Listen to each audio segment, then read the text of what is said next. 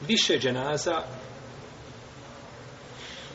u jednom momentu ili ovaj kanjanje jednog namaza za više ljudi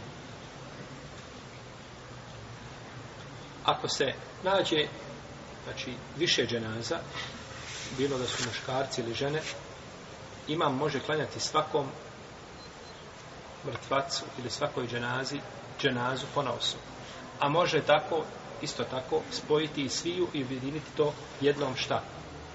Jednom dženazom. Dozvoljeno je jedno i, i drugo.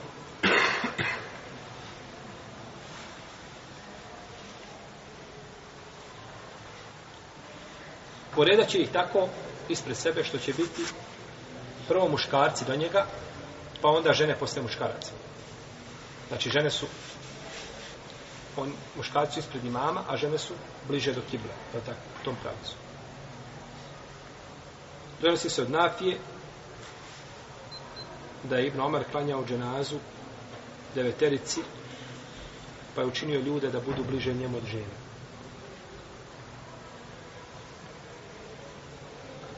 I poredao ih je svi u jedan sak, to jeste u jednu ravninu. Sve znači poredao tako da budu svi ispred čega?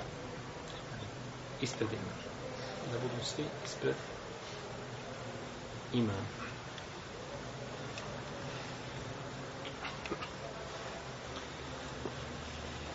I kada je donešena dženaza Umu Kulsum bintu Ali, čija to žena bila? Umu Kulsum.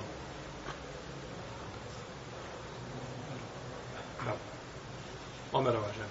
Omer ibn Khattava. On je oženio Umu Kulsum je propasti za šije.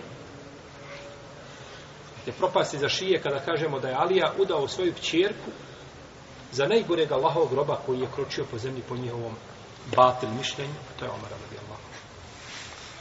Zato neki od njih imaju od svoga džehla i od svoje malo umnosti tek vide čak i Aliju. Pa kažu i Alija je kao i oni. Pa zašto?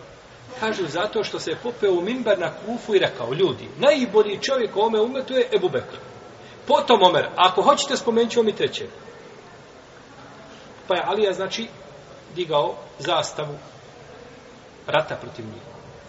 Koji, znači, dire i vređe Omer, radi Allah, da je Ebu Bekr. Udao je svoju čerku za Omara, radi Allah, anhu, i nije sebi mogao naći, tako mi Allaha uzvišenog, nije sebi mogao naći boljeg zeta.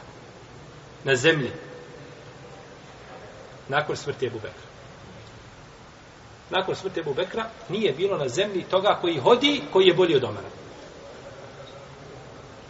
Pa Alija je i više nego razumom čovjek. Jer čovjek treba svoje čirki da bira najboljeg zeta.